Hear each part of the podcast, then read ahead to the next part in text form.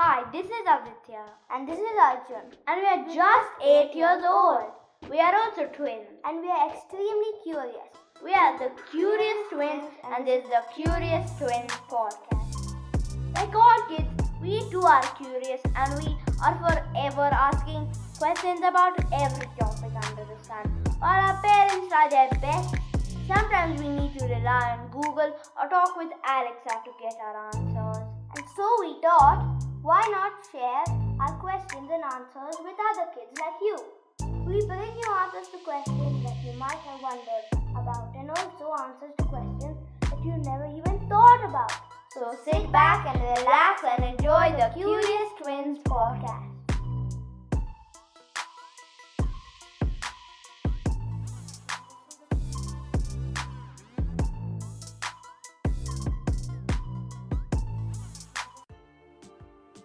Arjun, what would you do if you become the richest man in the world? Hmm. Money can buy a lot of things expensive cars, houses. But I would look to use the money to help people and have great experiences. What kinds of experiences, Arjun? Maybe I would like to go to all the great places in the world. I would surely like to go to space. Maybe even to the moon. Do you know Jeff Bezos, the richest man in the world and the owner of Amazon, is planning a trip to space? Going to space will always be fascinating. Maybe that will become the favorite pastime of the super rich. Space tourism.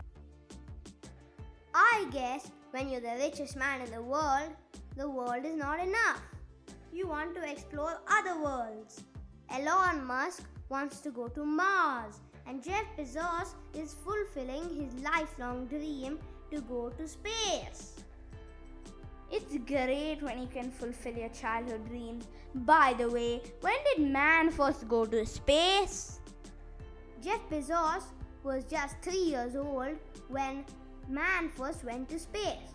It was on April 12, 1961, that 27 year old Soviet cosmonaut Yuri Gagarin made the first human voyage into space on a spacecraft called the Vostok 1.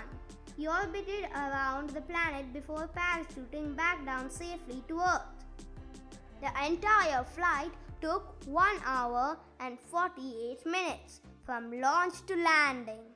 Ever since then, every year on April 12th, people around the world celebrate Yuri's Night to remember the beginning of human space exploration.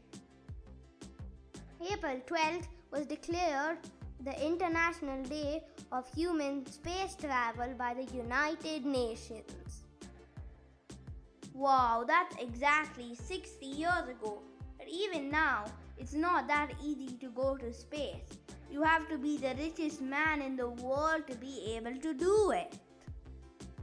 And you know what is even more interesting? There was a race between USSR or Russia and USA to send the first person to space.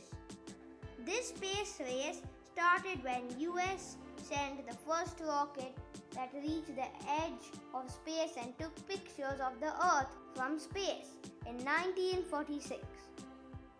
Do you know which was the first animal to be sent to space? Maybe it was a rat. Are not rats used for most experiments? Yes, but the first animal to be sent to space and orbit the Earth was a dog named Laika. It was a mongrel that was first sent to space aboard Sputnik 2 in 1957.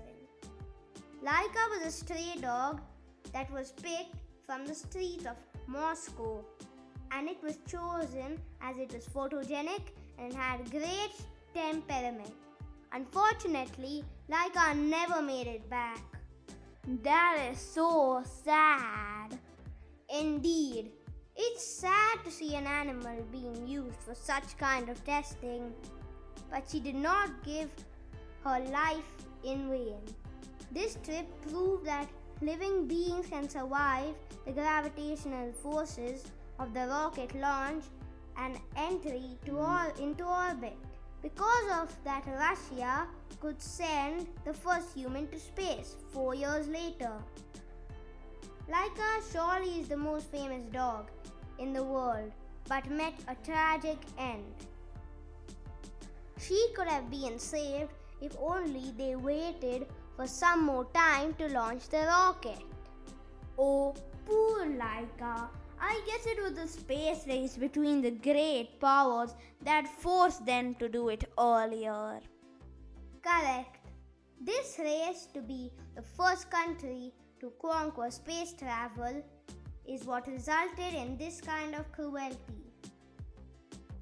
Russians definitely succeeded in sending the first person to space, but USA came back strongly by sending the first man to the moon in 1969.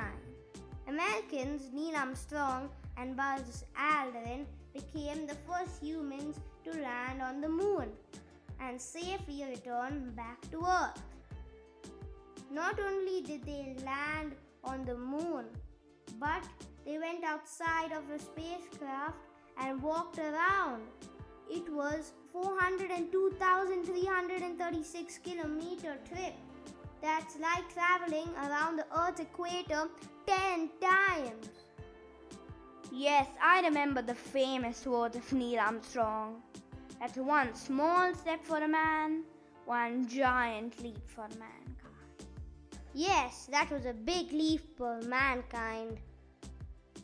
There were nine Apollo missions in all, and 24 people went to the moon, with 12 of them stepping on the moon's surface.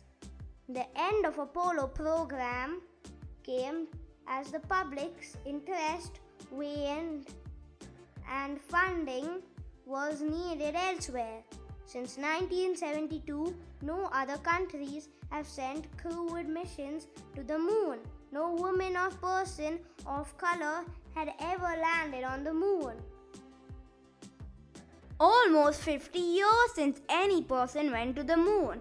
I am sure when we landed on the moon, people would have thought that we would conquer Mars and other planets by now. So sad we did not make any big advances in the last 50 years. While manned missions to the moon have stopped, research on the moon and journeys to space still take place. India is one of the countries that has successfully sent mission to orbit the Mars and that too in its first attempt. Mangalyaan has been orbiting the Mars since 2014. Indian Space Research Organization will send Chandrayaan 3 to try and attempt a soft landing on the moon. Chandrayaan 2 in 2019 had aimed to land on the south pole of the moon, in a spot that no other landing craft had reached before, but it failed at the final step. It is so great to see India making headway in space travel. I am sure it will inspire a generation of Indian kids to start thinking of space travel, and who knows, one of them might walk on the moon or on Mars. Yes, indeed. There are a few Indians who had made it to space. Rakesh Sharma was the first Indian to travel to space in 1984. There were others like Sunita Williams and Kalpana Chawla who have achieved this as well. Kalpana Chawla sadly passed away with her six crewmates aboard the space shuttle Columbia in 2003. Oh no, that's truly tragic. Yes, really sad. She gave her life in the pursuit of space exploration. By the way, India is planning to send its own mission to launch a human to orbit before its 75th independence anniversary. That would be so thrilling. Thank you, Arjun, for all this amazing info on space travel. So, folks, with that, we come to an end of this episode of the podcast. We will be back soon with yet another informative episode of the Curious Twins Podcast.